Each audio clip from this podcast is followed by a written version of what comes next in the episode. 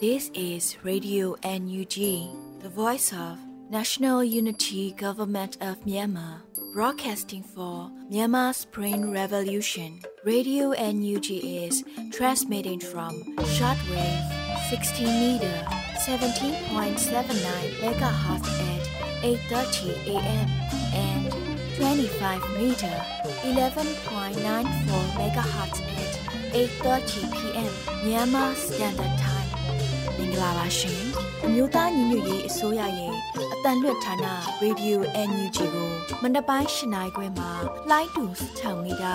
19.3ခွန်ကုန်းမဂါဟတ်စ်နဲ့ညပိုင်း၈နိုင်ခွဲမှာလိုင်းတူ25မီတာ17.3ကိုလီမဂါဟတ်စ်တို့မှာဓာတ်ရိုက်ဖမ်းယူနားဆင်နိုင်ပါပြီရှင်။မင်္ဂလာအပေါင်းနဲ့ပြည့်စုံကြပါစေ။အခုချိန်ကစပြီး Radio NUG စီစဉ်လေးကိုဓာတ်ရိုက်အတန်လွှင့်ပေးနေပါပြီ မင်္ဂလာရှိတဲ့နနက်ခင်းဖြစ်ကြပါစေခင်ဗျာဘေးရန်အန်ဒရယ်ပေါင်းတို့မှလည်းကင်းဝေးပြီးတရားမျှတတဲ့နိုင်ငံတော်သစ်စီအရောက်လှမ်းနိုင်ကြပါစေကြောင်းရေဒီယို UNG အဖွဲ့သားများကဆုတောင်းမေတ္တာပို့သပါတယ်ရေဒီယို UNG ရဲ့အော်တိုဘာလ29ရက်မနက်ခင်းအစီအစဉ်တွေအချိန်ကြာလာပြီမို့အခုချိန်မှစပြီးမြို့သားညွရေးဆိုရကာကွယ်ရေးဝန်ကြီးဌာနရဲ့ စစ်ရေးတရင်အချင်းချုပ်တွေကိုစောတဲလူနေကဖတ်ကြားပေးပါတော့မယ်ခင်ဗျာ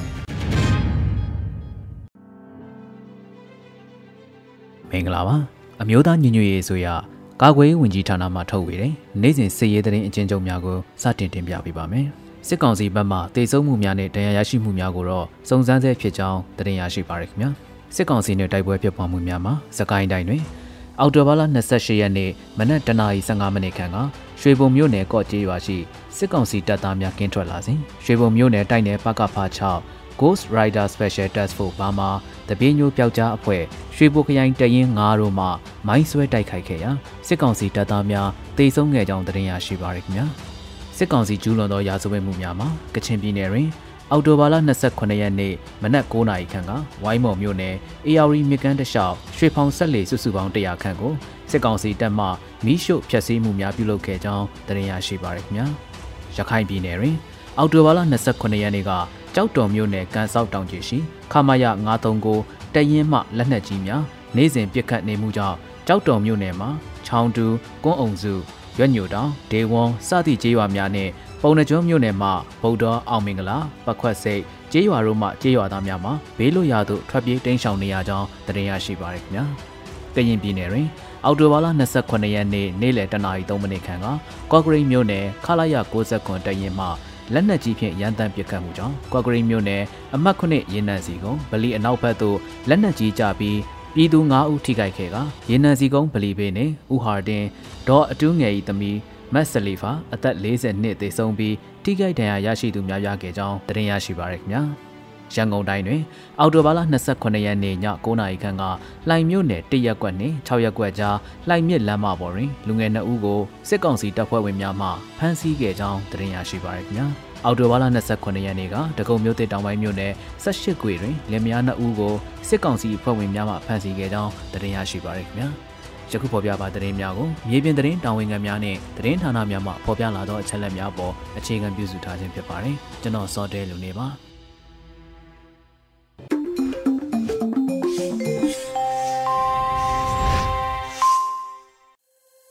ရေဒီယို UNG မှာဆက်လက်အသံလွှင့်နေပါတယ်အခုတစ်ဖက်နားဆင်ရမှာက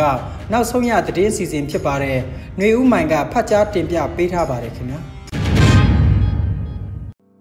မင်္ဂလာပါရှင် အခုချိန်ကစပြီး Radio UNG ရဲ့မနက်ခင်းသတင်းများကိုတင်ပြပေးပါရမယ်ကျမຫນွေဦးမိုင်ပါအကြမ်းဖက်စစ်အုပ်စုဟာတိုင်းသားပြည်သူတရက်လုံးရဲ့ဘုံရန်သူဖြစ်နေပြီဆိုတာထင်ရှားလွန်းနေတယ်လို့ပြည်တော်စုဝင်ကြီးချုပ်မန်းဝင်းခိုင်တန်းပြောကြားတဲ့သတင်းကိုဥစွာတင်ပြပေးပါမယ်။အကြမ်းဖက်စစ်အုပ်စုဟာတိုင်းသားပြည်သူတရက်လုံးရဲ့ဘုံရန်သူဖြစ်နေပြီဆိုတာထင်ရှားလွန်းနေတယ်လို့ပြည်တော်စုဝင်ကြီးချုပ်မန်းဝင်းခိုင်တန်းပြောကြားလိုက်ပါတယ်။အောက်တိုဘာ28ရက် ပြည်တော်စုဝင်ကြီးချုပ်မန်းဝင်းခိုင်တန်း၏ပြည်သူလူထုထံပြောကြားချက်မှာဝင်ကြီးချုပ်ကထည့်သွင်းပြောပါတယ်။အကြမ်းဖက်စစ်ကောင်စီဟာသူတို့အာဏာတည်မြဲရေးနဲ့သားစင်မြေးဆက်ကောင်းစားရေးအတွက်လူမျိုးမရွေးဘာသာမရွေးကိုနေရာဒေသမရွေးမှာလီလာမျိုးစုံနဲ့တက်ဖြတ်ပစ်ဖို့ဝင်မလေးဘူးဆိုတာသူတို့ရဲ့လူမဆန်တဲ့လူရက်တွေကတက်သေးပြနေပါပြီ။အကြမ်းဖက်စစ်အုပ်စုဟာတိုင်းသားပြည်သူတရက်လုံးရဲ့ဘုံရန်သူဖြစ်နေပြီဆိုတာတိတ်ကိုထင်ရှားလွန်းနေပါပြီလို့ဝင်းကြီးချုပ်ကဆိုပါတယ် 2021ခုနှစ်ဖေဖော်ဝါရီလရက်နေ့မှာစစ်တပ်ဟာနိုင်ငံတော်အာဏာကိုမတရားသိမ်းယူခဲ့ပါတယ်လက်ရှိမှာအရက်သား2000ကျော်ကိုစစ်ကောင်စီတပ်ဟာတပ်ဖြတ်ထားပြီး1000ကျော်ကိုဖမ်းဆီးချုပ်နှောင်ထားပါတယ်ရှင်ဆက်လက်ပြီးအမျိုးသားညီညွတ်ရေးအစိုးရကြားကာလဒေသန္တရပြည်သူ့အချုပ်ရေးဖော်ဆောင်မှုဗဟိုကော်မတီနဲ့တိုးချက်ပြည်သူ့အချုပ်ရေးအဖွဲ့များတွိတ်ဆုံတဲ့တဲ့ရင်ကိုတင်ပြပေးပါမယ်။အမျိုးသားညီညွတ်ရေးအစိုးရ ကြားကာလဒေသန္တရပြည်သူ့အချုပ်ရေးဖော်ဆောင်မှုဗဟိုကော်မတီနဲ့တိုးချက်ပြည်သူ့အချုပ်ရေးအဖွဲ့များတွိတ်ဆုံခဲ့တယ်လို့တင်ရရှိပါရယ်။အောက်တိုဘာ28ရက်အမျိုးသားညီညွတ်ရေးအစိုးရကြားကာလဒေသန္တရပြည်သူ့အချုပ်ရေးဖော်ဆောင်မှုဗဟိုကော်မတီနဲ့တိုးချက်ပြည်သူ့ချုပ်ရဲ့ဖွဲ့များတွိတ်ဆုံဆွေးနွေးပွဲအစည်းအဝေး73မြင်းဆောင်2022ကိုကျင်းပခဲ့ပါတယ်။အစည်းအဝေးကိုကြားကာလဒေသန္တရပြည်သူ့ချုပ်ရဲ့ဖော်ဆောင်မှုဗဟိုကော်မတီအတွင်းရေးမှူးအဖွဲ့ဝင်စီမံကိန်း ဗဏ္ဍာရေးနဲ့ယင်းနှမြုံနာမှုဝင်ကြီးဌာနဒုတိယဝန်ကြီးဦးမင်းစီယာဦးမှအဖွဲ့အမှာစကားပြောကြားကတက်ရောက်လာကြသည့်ဒုတိယဝန်ကြီးများမှနှုတ်ခွန်းဆက်စကားများအသီးသီးပြောကြားခဲ့ပါတယ်။ဆက်လက်၍တက်ရောက်လာတဲ့ဝန်ကြီးဌာနများမှဆောင်ရွက်နေသောလုပ်ငန်းများနဲ့ပတ်သက်၍ရှင်းလင်းတင်ပြခဲ့ပြီးနောက်တိုးချက်ပြည်သူ့ချုပ်ရဲ့ဖွဲ့များမှရည်ပြင်းကြုံတွေ့နေရသည့်အခက်အခဲများနဲ့သိရှိလိုသည့်များကိုအပြန်လှန်ဆွေးနွေးခဲ့ပါတယ်။ တွဲဆောင်ပွဲသို့ဒုတိယဝန်ကြီးများအမြဲတမ်းအတွင်းဝင်များတွဲဖက်အတွင်းဝင်များနဲ့တိုးချက်ပြည်သူ့ချုပ်ရဲ့ဖွဲ့များမှတာဝန်ရှိသူများဌာနဆိုင်ရာများမှတာဝန်ရှိသူများတိုးချက်ပြည်သူ့အုပ်ချုပ်ရေးအဖွဲ့များတက်ရောက်ခဲ့ပါတယ်ရှင်။ဆက်လက်ပြီးမိပိတ်တပိတ်လူထုလှုပ်ရှားမှုတွင်ရဲရဲဝင်းဝင်းပါဝင်ဆင်နွှဲခဲ့ကြတဲ့ပြည်သူလူထုကိုပြည်တော်စုလွှတ်တော်ကိုစားပြုကော်မတီကအထူးကျေးဇူးတင်တယ်လို့ထုတ်ပြန်တဲ့သတင်းကိုတင်ပြပေးပါမယ်။ မိပိတ်တပိတ်လူထုလှုပ်ရှားမှုတွင်ရဲရဲဝင်းဝင်းပါဝင်ဆင်နွှဲခဲ့ကြတဲ့ပြည်သူလူထုကိုပြည်တော်စုလွှတ်တော်ကိုစားပြုကော်မတီက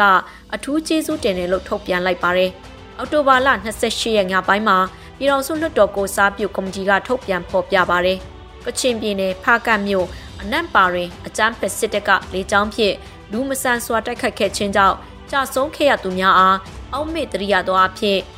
ယနေ့ည၈နိုင်ခွဲအချိန်တွင်ပြုလုပ်ခဲ့သည့် မိပိတ်တပိတ်လူထုလူရှားမှုတွင်ရဲရဲဝင့်ဝင့်ပါဝင်ဆင်နွှဲခဲ့ကြသည့်နိုင်ငံတော်ဝန်နှင့်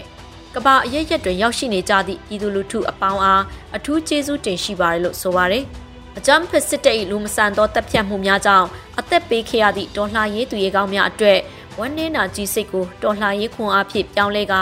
မိမိတို့၏ဘုံရည်မှန်းချက်ဖြစ်သည့်ဒီမိုကရေစီစံနှုန်းများပြည့်ဝသောအနာဂတ်ဖက်ဒရယ်ပြည်ထောင်စုကြီးကို အချိန်တူတူဖြင့်စ조사တည်ဆောက်နိုင်လိမ့်မယ်ဟုခိုင်ခိုင်မာမာယုံကြည်ပါတယ်လို့ဖော်ပြပါတယ်။တိုင်းပြည်၏လက်ရှိကာလနဲ့အနာဂတ်ကာလနိုင်ငံရေးပြုပြင်ပြောင်းလဲမှုအလုံးဒီတိုင်းပြည်၏မူလအချုပ်ချာအာဏာပိုင်များဖြစ်သည့်ပြည်သူတို့၏ဆန္ဒသဘောထားတို့အပေါ်တွင်အပြည့်အဝတည်ရှိခြင်းကိုကောင်းမွန်စွာနားလည်သဘောပေါက်ခြင်းနဲ့အတူပြည်သူကိုဥထိပ်ပန်းစင်လက်မိမိတို့ပြည်ထောင်စုလွှတ်တော်ကိုစားပြုကော်မတီသည်ပြည်တွင်းပြည်ပရှိတော်လှန်ရေးနိုင်ငံရေးအင်အားစုများဖြင့်ပူးပေါင်းကာ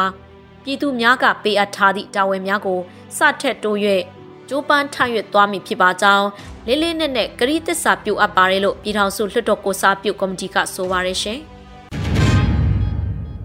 ဆက်လက်ပြီးလာပေါင်း20ကြာမြင့်တဲ့အထိတိုးတက်မှုမရှိတဲ့အာဆီယံဘုံသဘောတူညီချက်9ရက်ကိုဆွန့်လွှတ်ရန်အာဆီယံနိုင်ငံခြားရေးဝန်ကြီးများအထူးအစည်းအဝေးသို့ UNG စာပေးပို့ခဲ့တဲ့တဲ့ကိုတင်ပြပေးပါမယ်။ လပေါင်း20ကြာမြင့်တဲ့အထိတိုးတက်မှုမရှိတဲ့အာဆီယံဘုံသဘောတူညီချက်9ရက်ကိုဆွန့်လွှတ်ရန်အာဆီယံနိုင်ငံခြားရေးဝန်ကြီးများအထူးအစည်းအဝေးသို့ UNG အစိုးရကစာပေးပို့ခဲ့ပါတယ်။မြို့သားညီညွတ်ရေးအစိုးရနိုင်ငံခြားရေးဝန်ကြီးဌာနပြည်ထောင်စုဝန်ကြီးဒေါ်စင်မအောင်သည်အောက်တိုဘာလ28ရက်နေ့တွင်ဂျာကာတာ၌ကျင်းပသည့်အာဆီယံနိုင်ငံခြားရေးဝန်ကြီးများအထူးအစည်းအဝေးနဲ့ဆက်လင်း၍အာဆီယံနိုင်ငံခြားရေးဝန်ကြီးများထံအောက်တိုဘာလ26ရက်နေ့ရက်စွဲဖြင့် မြန်မာနိုင်ငံအမျိုးသားညီညွတ်ရေးအစိုးရကိုစားစာရေးသားပေးပို့ခဲ့ပါတယ်။အဆိုပါစာမှာမြန်မာနိုင်ငံအကြက်တီးကိုဖြည့်ရှင်းရမှာအာဆီယံ၏မကြုံစဘူးကျိုးပန်းအားထုတ်မှုများကိုအတိမတ်ပြုကြောင်းဖော်ပြထားပြီးလွန်ခဲ့သည့်လပေါင်း20တွင်မြန်မာနိုင်ငံဒီမိုကရေစီအသွင်ကူးပြောင်းရေးလမ်းကြောင်းသို့ပြန်လည်ရောက်ရှိရတဲ့အတွက်အာဆီယံနဲ့လက်တွဲလှုပ်ဆောင်ရန်အမျိုးသားညီညွတ်ရေးအစိုးရ၏ကတိကဝတ်ကိုအကြိမ်ကြိမ်ထပ်လောင်းဖော်ပြခဲ့ပြီးဖြစ်ကြောင်းမိမိတို့အနေဖြင့် အာဆီယံသဘောတူညီချက်9ရက်ကိုကြိုဆိုပြီးအခွင့်အလမ်းပေးခဲ့တော့လဲလာပေါင်း20ကြာမြင့်လာသည့်အထိတိုးတက်မှုမရှိခဲ့သည့်အတွက်အာဆီယံဘုံသဘောတူညီချက်9ရက်ကိုပြန်လည်သုံးသပ်ပြီးဆွန့်လွှတ်ရန်လိုအပ်ကြောင်းဖော်ပြပါရှိပါတယ်။လွန်ခဲ့သည့်ဧပြီလ24ရက်2021ခုနှစ်အာဆီယံခေါင်းဆောင်များအစည်းအဝေးတွင်အကြမ်းဖက်စစ်ကောင်းဆောင်တက်ရောက်သဘောတူညီခဲ့တော်လဲ၎င်းတို့ကိုအကောင့်ထဲပေါ်ရန်ရည်ရွယ်ချက်မရှိခဲ့ကြောင်းပြီးခဲ့သည့်လ20သည်အာဆီယံအပေါ်အကြမ်းဖက်စစ်အာဏာရှင်တို့၏ လက်လူရှုမှုကိုတက်သေးပြခတ်ခြင်းဖြင့်ဖြစ်တယ်လို့ဆိုပါတယ်။မြန်မာပြည်သူများ၏ကြီးမားသောအတိဒုက္ခကိုအတိမတ်ပြုရန်အာဆီယံသည်ရှေ့ခရီးအတွက်အလေးအနက်တိုင်ပင်ဆွေးနွေးရန်လိုအပ်ပြီးအမျိုးသားညီညွတ်ရေးအစိုးရပြည်ထောင်စုလွှတ်တော်ကိုစားပြုကော်မတီ CRPH တိုင်းသားတော်လှန်ရေးအဖွဲ့အစည်းများ ERO မျိုးသားဒီမိုကရေစီအဖွဲ့ချုပ် NLD ပြည်သူများ၏အာဏာဖီဆန်ရေးလှုပ်ရှားမှုများမှကိုယ်စားလှယ်များကြားဖြတ်ပြည်နယ်ဖ က်ဒရယ်ယူနစ်များကိုကိုစားပြုသည့်ကော်မတီများနဲ့အရက်ဖက်အဖွဲ့အစည်းများမှပြည်သူကိုယ်စားလှယ်များကိုအစုအဖွဲ့ဆိုင်ရာဆွေးနွေးပွဲတစ်ခုကျင်းပရန်လိုအပ်လက်ရှိရလို့ဖော်ပြပါရရှင်။ဆက်လက်ပြီးထိုင်းနိုင်ငံကန်ချနပူရီခရိုင်စန်ခလဘူရီ၌ကားမောက်သေးဆုံးခဲ့သည့်မြန်မာအလုပ်သမားများအတွက်အမတ်ခအကျိုးခံစားခွင့်ဘတ်15သိန်းရရှိအောင်ကူညီဆောင်ရွက်ပေးနိုင်ခဲ့တဲ့တဲ့ရင်ကိုတင်ပြပေးပါမယ်။ထိုင်းနိုင်ငံကန်ချနာပူရီခရိုင် စန်ခလဘူရီ၌ကားမောက်သေးဆုံးခဲ့သည့်မြန်မာအလုပ်သမားများအတွက်အမတ်ခအကျိုးခံစားခွင့်ဘတ်15သိန်းရရှိအောင်ကူညီဆောင်ရွက်ပေးနိုင်ခဲ့လို့အလုပ်သမားဝင်ကြီးဌာနကတင်ရရှိပါရယ်။အောက်တိုဘာ28ရက်မှာကူညီဆောင်ရွက်ပေးခဲ့တဲ့ဖြစ်စဉ်ကိုအလုတ်သမားဝင်ကြီးဌာနကဖော်ပြပါရယ်2022ခုနှစ်ဩဂတ်လ28ရက်နေ့တွင်ထိုင်းနိုင်ငံကန်ချနာပူရီခရိုင်စန်ကလာပူရီ၌အထောက်ထားမဲ့မြန်မာအလုတ်သမားများတင်ဆောင်လာသည့်ကားတိန်မှောက်သဖြင့် အလုတ်သမား၃ဦးသေဆုံးခဲ့သည့်ကိစ္စနှင့်ဆက်လျင်း၍အာမခံအကျိုးခံစားခွင့်များအပြည့်အဝရရှိရန်အတွက်ကူညီဆောင်ရွက်ပေးရန်အမျိုးသားညီညွတ်ရေးအစိုးရအလုတ်သမားဝင်ကြီးဌာနကကိုရဲမင်းတာဝန်ခံဦးဆောင်သည့် AAC မဟာမိတ်အဖွဲ့တို့တာဝန်ပေးအပ်ခဲ့ရာတေဆုံးသူတဦးလျင်အာမခံနစ်နာခြင်းငွေဘတ်9သိန်းနှုန်းဖြင့်စုစုပေါင်းဘတ်15သိန်းရအောင်ဆောင်ရွက်ပေးနိုင်ခဲ့ပြီးကျန်ရစ်သူမိသားစုများထံသို့2022ခုနှစ် အောက်တိုဘာ18ရက်နေ့တွင်လွှဲပြောင်းပေးအပ်ပြီးဖြစ်တယ်လို့ဆိုပါရယ်။ကားတိတ်မောက်သေးဆုံးခဲ့တဲ့အလုတ်သမား3ဦးအတွက်အာမခံအကျိုးခံစားခွင့်များအပြည့်အဝရရှိအောင်ပူးပေါင်းဆောင်ရွက်ခဲ့သည့်သက်ဆိုင်ရာထိုင်းနိုင်ငံအစိုးရဌာနများနဲ့ကိုရဲမင်းတာဝန်ခံဦးဆောင်သော AAC မဟာမိတ်အဖွဲ့အားအမျိုးသားညီညွတ်ရေးအစိုးရအလို့သမားဝင်ကြီးဌာနမှမှတ်တမ်းတင်ကုန်ပြုအပ်ပါတယ်လို့ဖော်ပြပါရယ်အမျိုးသားညီညွတ်ရေးအစိုးရအလို့သမားဝင်ကြီးဌာနနေဖြင့်ပြည်သူအစိုးရဖြစ်သည့်နဲ့အညီ အရေးပေါ်ကာလအခြေအနေတွင်လည်းပြည်တွင်းပြည်ပမြန်မာလူသမားများ၏အလို့သမားအခွင့်အရေးချိုးဖောက်ခံရမှုများအကျိုးခံစားခွင့်များရရှိအောင်တိုင်ကြားရေးရန်ရာဖွင့်လှစ်၍ကူညီဆောင်ရွက်ပေးနေတယ်လို့ဆိုပါရရှင်။ဆက်လက်ပြီးကမ္ဘာလုံးဆိုင်ရာမြန်မာចောင်းသားတပိတ်ကိုအမေရိကန်နိုင်ငံနယူးယောက်မြို့ရှိ Times Square မှာစုပေါင်းကျင်းပမယ့်တဲ့ရင်ကိုတင်ပြပေးပါမယ်။ကမ္ဘာလုံးဆိုင်ရာမြန်မာចောင်းသားတပိတ်ကို အမေရိကန်နိုင်ငံနယူးယောက်မြို့ရှိ Times Square မှာစုပေါင်းကျင်းပမယ်လို့တင်ရရှိပါရယ်။ GMSR မှကြီးမှုကျင်းပတဲ့ကမ္ဘာလုံးဆိုင်ရာမြန်မာចောင်းသားတပိတ်ကြီးကိုအောက်တိုဘာလ29ရက်တွင်နယူးယောက်မြို့ရှိ Times Square တွင်နေ့လယ်3နာရီမှ4နာရီခွဲအထိလှုပ်ရှားကျင်းပမှာဖြစ်ပါတယ်။လူအခွင့်အရေးနဲ့လူစစ်တပ်များအတွက်စစ်အာဏာရှင်စနစ်အပြီးတိုင်အမိမြန်မာပြည်မှခြုံငိမ့်စေရအတွက်ရည်ရွယ်လှုပ်ရှားဆောင်ရွက်တယ်လို့လည်းတင်ရရှိပါရယ်။ဒါရောက်မိတိုင်းသားညီကိုမောင်နှမများကို NYCBC အနေဖြင့်ဒါရောက်သူများအနီရောင်လက်ပတ်နှဖူးစည်းများဝေငှပေးသွားမယ်လို့လည်းသိရပါတယ်ရှင်။ဆက်လက်ပြီးမီးပိတ်တပိတ်ရန်ကုန်မန္တလေးမုံရွာမြို့ကြီးများမှာပြည်သူလူထုအများစုပါဝင်ဆင်နွှဲခဲ့ပြီးစစ်တပ်ရဲ့တားဆီးချိန်ချောက်မှုမအောင်မြင်တဲ့သတင်းကိုတင်ပြပေးပါမယ်။မီးပိတ်တပိတ်ရန်ကုန်မန်းလေးမုံရွာမြို့ကြီးများမှာပြည်သူလူထုအများစုပါဝင်ဆင်နွှဲခဲ့ပြီး စစ်တပ်ရဲ့တားဆီးချိန်ချောက်မှုမအောင်မြင်ခဲ့ဘူးလို့သတင်းရရှိပါရယ်။အောက်တိုဘာ28ရက်ည8:30အချိန်မှာကျင်းပတဲ့မီးပိတ်တပိတ်ကိုပါဝင်ဆင်နွှဲသူတွေကိုစစ်တပ်ဟာမီတာပုံးအပါဝင်လက်နက်နဲ့ပါချိန်ချောက်မှုတွေရန်ကုန်မြို့ရဲ့ချို့နေရာတွေမှာဖြစ်ပွားခဲ့လို့စုံစမ်းသိရှိရပါတယ်။မုံရွာဟာမုံရွာဖြစ်ကြောင်းသွေးစည်းညီညွတ်ရေးလှုပ်ရှားမှုမိပိတ်တပိတ်တွေမုံရွာသူမုံရွာသားများရဲ့ပူးပေါင်းပါဝင်မှုဖြစ်ပါတယ်လို့မုံရွာလူထုတပိတ်ကော်မတီက မြို့တွင်မဲမောင်နေတဲ့မှတ်တမ်းတပ်ပုံများကိုဖော်ပြရင်းဆိုပါတယ်။အောက်တိုဘာ28ရက်ည8နာရီခွဲအချိန်မှာကျင်းပတဲ့မိပိတ်တပိတ်ဟာကချင်ပြည်နယ်ဖားကန်အနက်ပါကိုစစ်တပ်ကလေကြောင်းတိုက်ခတ်ရမှာကြာဆုံးသွားတဲ့ကချင်တိုင်းသားများအတွက်ဝမ်းနည်းကြေကွဲခြင်းအပါအဝင်တော်လှန်ရေးအတွက်ခွန်အားယူအရှိန်မြင့်တင်တဲ့လှုပ်ဆောင်မှုလည်းဖြစ်ပါရဲ့ရှင်။ဆက်လက်ပြီးပေ1500အကွာဝဲထိပြစ်ခတ်နိုင်သောတာဝဲပစ်ပခုံးထမ်းလောက်ချကို မြင်းချံ Black Tiger MBT မှအောင်မြင်စွာထုတ်လုပ်တဲ့သတင်းကိုတင်ပြပေးပါမယ်။ပေ1500အကွာဝေးထိပြစ်ခတ်နိုင်သောတာဝဲပြစ်ပကုံးထမ်းလောက်ချကိုမြင်းချံ Black Tiger MBT မှအောင်မြင်စွာထုတ်လုပ်နိုင်ခဲ့ပါတယ်။အော်တိုဘာလအတွင်းမှာမြင်းချံ Black Tiger MBT မှအသိပေးဆိုပါတယ်။မြင်းချံ Black Tiger MBT မှ M40 ပခုံးထမ်းလောက်ချအားနီးပညာစင်မြင့်တင်၍အသစ်တဖန်ပြန်လည်ထုတ်လုပ်ခဲ့ပြီး ယခုအခါပေ1500အဝေးထိပြစ်ခတ်နိုင်သောတာဝဲပစ်ပခုံးထမ်းလောက်ချဖြစ်သို့အောင်မြင်စွာထုတ်လုပ်နိုင်ခဲ့ပါတယ်လို့ဆိုပါတယ်။၎င်းတာဝဲဖြစ်ပခုံးထမ်းလောက်ချအားစခန်းသိမ်းမရှင်များနဲ့အခြားစစ်အာဏာရှင်တော်လှန်ခြင်းလုပ်ငန်းများတွင်ထည့်သွင်းအသုံးပြုသွားမယ်လို့မြင်းချံ Black Tiger MBT ကဖော်ပြပါရရှင်။အခုတင်ပြပေးခဲ့တဲ့သတင်းတွေကိုတော့ Radio UNG သတင်းထောက်မင်းမင်းကပေးပို့ထားတာဖြစ်ပါတယ်ရှင်။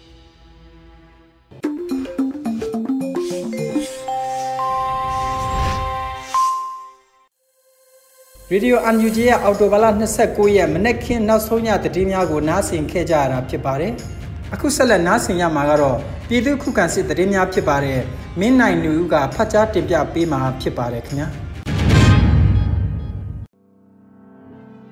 ပထမဦးစွာထီလင်းမြို့နယ်တွင်စစ်တပ်နှင့်ပြူစောတိအဖွဲ့ကိုဒေသကာကွယ်ရေးအဖွဲ့များကခြုံကိုတိုက်ခတ်ရာစစ်ကောင်စီဘက်မှ30တမင်းသေဆုံးတဲ့တွင်တင်ဆက်ပါမယ်။ မကွေတိုင်းထီလင်းမြို့နယ်ထမ်းမင်ကုန်းကျေးရွာရှိအများပြည်သူပိုင်းနေအိမ်များကိုမိရှို့ပြီးထွက်ခွာလာတော့အင်အားတရာခန့်ပါသည့်စစ်တပ်နှင့်ပြူစောတိစစ်ကြောင်းကိုရောဒေတာကာကွယ်ရေးတပ် YTF နှင့်မဟာမိတ်များကအောက်တိုဘာလ29ရက်ယမန်နေ့တွင်အမိကပြစ်ခတ်တိုက်ခတ်ရာစစ်သား30တဲ့မိနစ်သေဆုံးကြောင်း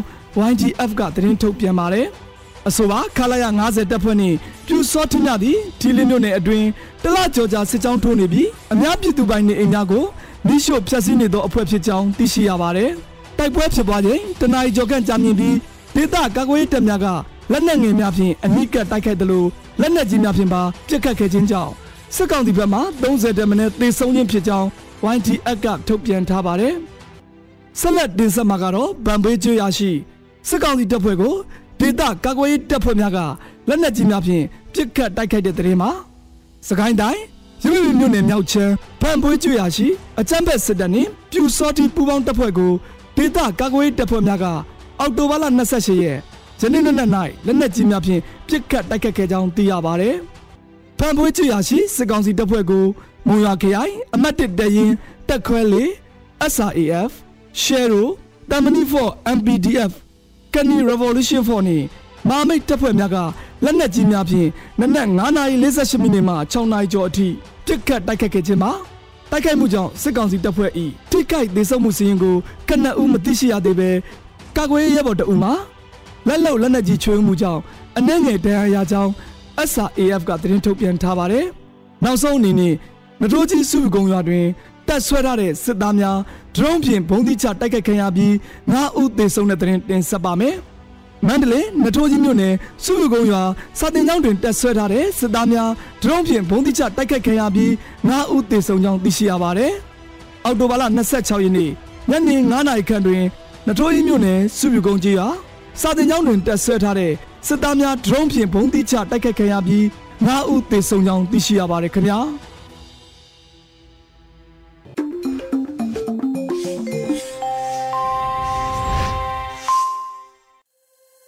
ရေဒီယို UNG မှမနက်ခင်းစီစဉ်တွေကိုဆက်လက်အတန်လှည့်လျက်ရှိနေပါတယ်။အခုဆက်လက်ပြီး PVTV ရဲ့နေ့စဉ်သတင်းများကိုတော့မျိုးတော်တာကဖတ်ကြားတင်ပြပေးပါဦးမယ်ခင်ဗျာ။အခုချိန်ကစပြီး PVTV သတင်းတွေကိုတင်ဆက်ပေးတော့မှာပါ။ကျွန်မမျိုးတော်တာပါ။ပထမဆုံးတင်ဆက်မဲ့သတင်းကတော့အကြမ်းဖက်စစ်အုပ်စုရဲ့လူမဆန်တဲ့အကြမ်းဖက်တိုက်ခိုက်မှုတွေကြောင့် သေဆုံးခဲ့ရတဲ့တိုင်းရင်းသားသွေးချင်းတွေမိသားစုဝင်တွေနဲ့ထက်တူရန်ကုန်တိုင်းလွှတ်တော်ကိုယ်စားလှယ်တွေအားလုံးကဝက်နဲ့ခြေခွဲရတယ်ဆိုတာနဲ့ပြင်းပြင်းထန်ထန်ကန့်ကွက်ရှုံချတယ်လို့ထုတ်ပြန်လိုက်တဲ့သတင်းပေါင်းအနာသိအကြမ်းဖက်ကောင်းဆောင်မင်းအောင်လှိုင်ဦးဆောင်တဲ့အကြမ်းဖက်စစ်တပ်တွေကမြန်မာတနိုင်ငံလုံးအပြစ်မဲ့တိုင်းရင်းသားပြည်သူလူထုတရက်လုံးကိုလူမဆန်သောလုပ်ရက်တွေနဲ့ပြောင်ပြောင်တင်းတင်းကျူးလွန်တိုက်ခိုက်နေတယ်လို့ CRYH ကဒီနေ့မှထုတ်ပြန်လိုက်ပါတယ်။ အဲ့ဒီလိုလူမဆန်တဲ့အကြမ်းဖက်တိုက်ခိုက်မှုများကြောင့်သေဆုံးခဲ့ရတဲ့တိုင်းရင်းသားသွေးချင်းတွေမိသားစုဝင်တွေနဲ့ထပ်တူတိုင်းရင်းသားလွှတ်တော်ကိုယ်စားလှယ်များအားလုံးကဝက်နဲ့ခြေခွဲရတယ်လို့ဆိုပါတယ်ဒီလိုလုပ်ရတွေကိုကျူးလွန်သူ အမိန်ပေးသူအပိအားမြောက်ပြသူပါဝင်ပတ်သက်သူအကုန်လုံးကိုပြင်းပြင်းထန်ထန်ကန့်ကွက်ရှုံချတယ်လို့ထုတ်ပြန်ချက်ထဲမှာဖော်ပြထားပါတယ်ကချင်ကယားကရင်နီကရင်ချင်းရခိုင် စကိုင်းတို့ကိုလေကြောင်းနဲ့ပုံကျဲတိုက်ခိုက်တာတွေအပါအဝင်မြန်မာတနိုင်ငံလုံးစစ်ကြောင်းချီတိုက်ခိုက်တာတွေကြောင့်တိုင်းရင်းသားပြည်သူတွေရဲ့အသက်အိုးအိမ်စီးစိမ်တွေဆုံးရှုံးပျက်စီးမှုတွေနဲ့အတူနေရဆွခွာထွက်ပြေးတင်းရှောင်နေရတာတွေလည်းကြုံတွေ့နေရပါတယ်။ ဒါပြင်ရွာလုံးကျွမီးရှိုခြင်းလူသက်မရိန်ချစ်လူရဲ့နှိပ်စက်ချင်းချောက်ဓာတွေကိုလည်းရည်ရွယ်ချက်ရှိရှိလောက်ကင်နေကြပြီးဒီမိုကရေစီရဲ့လူအခွင့်အရေးနဲ့အကြမ်းမဖက်အာဏာဖီဆိုင်ရေးလှုပ်ရှားသူတွေနဲ့မိသားစုဝင်တွေကိုအညှိုးတကြီးနဲ့ရာဇဝတ်မှုမြောက်အောင်ကျူးလွန်လှုပ်ဆောင်နေတယ်လို့ CRYH ကဖော်ပြထားပါတယ်။ ပြီးခဲ့တဲ့အောက်တိုဘာလ23ရက်နေ့မှာကချင်ပြည်နယ်ဖားကတ်မြို့အနောင်ပါကျေးရွာတွင်ကချင်လွတ်မြောက်ရေးအဖွဲ့ KIO 62နှစ်ပြည့်အကျိုးကီတဖျော်ဖြေပွဲလုပ်နေချိန်မှာ အကြမ်းဖက်စစ်ကောင်စီကလေရင်နဲ့ဘုံကျဲတိုက်ခိုက်မှုကြောင့်ကချင်လွတ်မြောက်ရေးတပ်မတော် KIA အရာရှိအချို့နဲ့စီးပွားရေးလုပ်ငန်းရှင်တွေကချင်အမှုပညာရှင်တွေအပါအဝင်အပြစ်မဲ့အယက်သားပြည်သူတော်တော်များများသေဆုံးထိခိုက်ဒဏ်ရာရခဲ့တာသိရတဲ့အတွက်ကချင်တိုင်းရင်းသားတွေနဲ့ထပ်တူစိတ်ထိခိုက်ခံစားရတယ်လို့ CRYH ကဆိုပါတယ်။ ဒါနဲ့တစ်ဆက်တည်းစက်တင်ဘာလ16ရက်နေ့မှာစကိုင်းတိုင်းဒီပဲရင်မြို့နယ်လဲရက်ကုန်းကျေးရွာဘုံတော်ကြီးတင်မူလရန်ကျောင်းကိုအကြံဖက်စစ်ကောင်စီကလေရင်နဲ့ပုံကျဲတိုက်ခိုက်မှုကြောင့် CTM ဆရာဆရာမတွေနဲ့မူလရန်ကျောင်းသားကျောင်းသူကလေးသူငယ်တွေအပါအဝင်အပြစ်မဲ့အရက်သားပြည်သူတွေတေဆုံးထိခိုက်တန်ရာရခဲ့ကြတာကိုလည်းထည့်သွင်းဖော်ပြထားပါတယ် ဆက်လက်တင်ဆက်မှာကတော့ဆီယနာသိမ့်မှုစန့်ကျင်ရေးကော်မတီကိုရီးယားကအန်ယူဂျီကိုလာစဉ်လှူဒန်းငွေကန်ဒေါ်လာတသိန်းပေးဖို့လှူဒန်းလိုက်ပြီးစုစုပေါင်းလှူဒန်းငွေအမေရိကန်ဒေါ်လာ73သိန်းအထိရှိလာပြီဆိုတဲ့သတင်းမှာ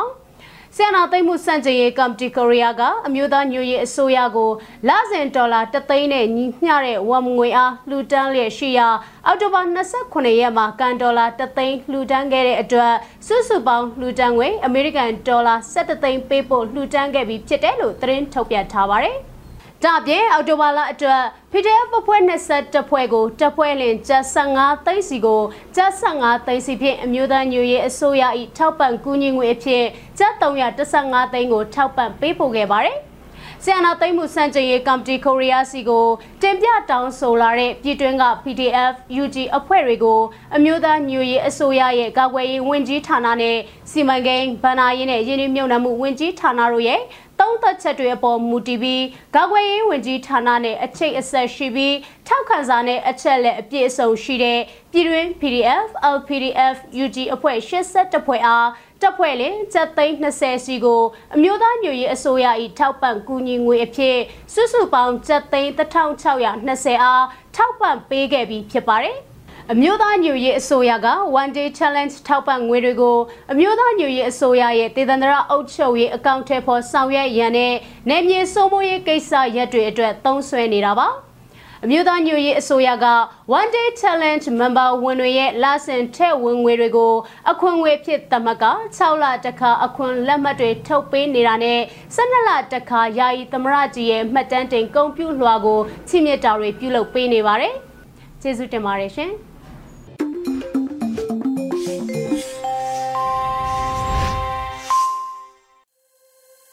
ရေဒီယိုအန်ယူဂျီမှဆက်လက်အသံလွှင့်လျက်ရှိနေပါတယ်။အခုနောက်ဆုံးအစီအစဉ်အနေနဲ့တိုင်းသားဘာသာစကားအစီအစဉ်မှာချိုးချင်းတိုင်းဘာသာစကားထုတ်လွှင့်မှုအစီအစဉ်ကိုတင်ပြပေးပါဦးမယ်။အခုအစီအစဉ်ကိုတော့ချိုးချင်းဘာသာစကားထုတ်လွှင့်မှုဖွဲ့ကစီစဉ်တင်ဆက်ထားတာဖြစ်ပါတယ်ခင်ဗျာ။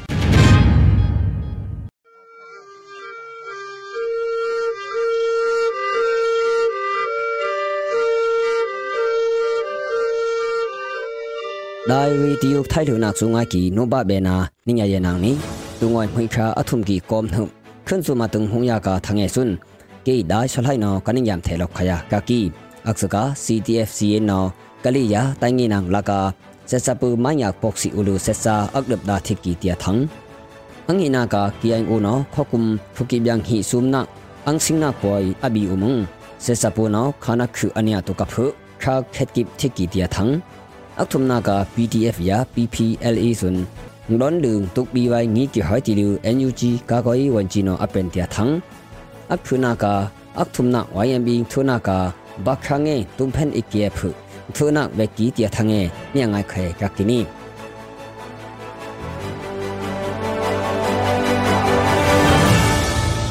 ซีีเอฟซีนอกะลียาตังงีนังลากาสิทฮกกีกัง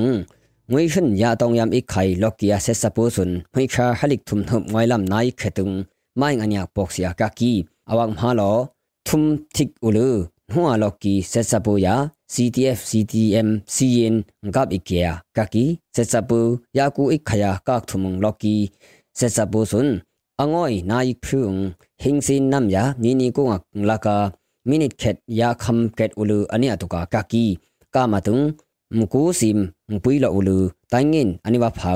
လကာ minute khet ya kham ket ulu ania tuka kaki kama tung mku sim mpui lo ulu taingin aniwa phang sesa thum gipni angsi lo ti tilu thang hwa kakini kiang i tamaha ko angsi na phagata kiang u kachin lonyo yi aphwe khukip yang hi kum singna poi ani bi um hui kha mku yak thumung sesa po no khana khulu ania tuka phu kachin khekip thiki tilu kachin thang hwa ka ki hoi kha ngu yam hang khu kip yang hi kum be na ki ai o sing boy sun hoi kha ngu yak thum mu da nai khetung ki ai i tam ha ko anam ba su ngoing om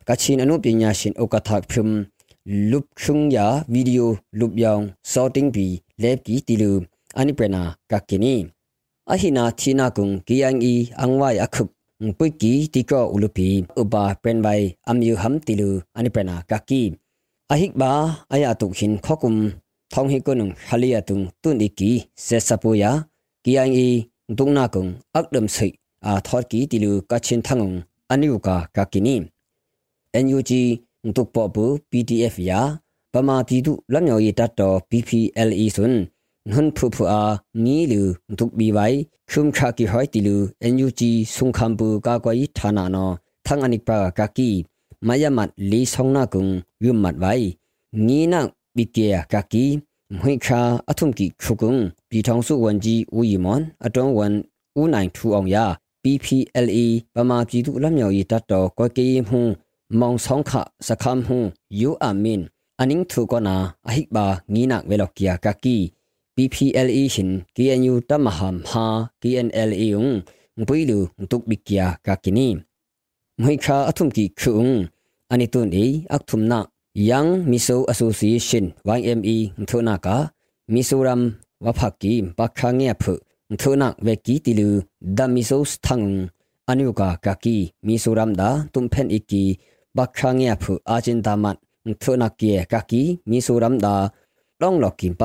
င်ခက်အီကီမလမာဆေခါသွန်လောတော့ခိုင်သွန်လောခယာဆေခါစီယံဝယာဒေါ်ဘောကီယာအနင်း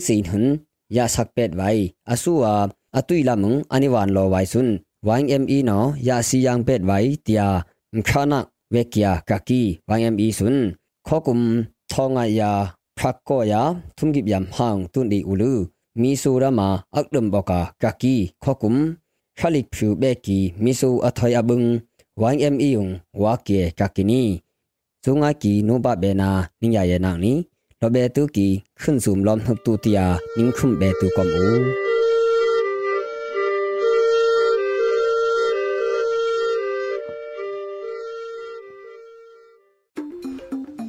ကနေ့ကတော့ဒီညနေပဲ Radio NUG ရဲ့အစီအစဉ်လေးကိုခေတ္တရ延လိုက်ပါမယ်ရှင်မြန်မာစံတော်ချိန်မနေ့၈နိုင်ခွဲနဲ့ည၈နိုင်ခွဲအချိန်တွေမှာပြောင်းလဲဆိုပြကြပါလို့ရှင် Radio NUG ကိုမနေ့ပိုင်း၈နိုင်ခွဲမှာလိုင်းတူ16မီတာ19.7 MHz နဲ့ညပိုင်း၈နိုင်ခွဲမှာလိုင်းတူ25မီတာ17.6 MHz တို့မှာ ဓာတ်ရိုက်ဖမ်းယူနားဆင်နိုင်ပါပြီရှင်။မြန်မာနိုင်ငံသူနိုင်ငံသားများကိုစိတ်နှဖျားစမ်းမချမ်းသာလို့ဘေးကင်းလုံခြုံကြပါစေလို့ Radio NUG ရဲ့ဖွဲ့သူဖွဲ့သားများကဆုတောင်းလိုက်ရပါတယ်။ San Francisco Bay Area အခြေဆိုင်မြန်မာမိသားစုများနိုင်ငံတကာကစေတနာရှင်များလို့အားပေးများရဲ့ Radio NUG ဖြစ်ပါတယ်ရှင်။အရေးတော်ပုံအောင်ရမည်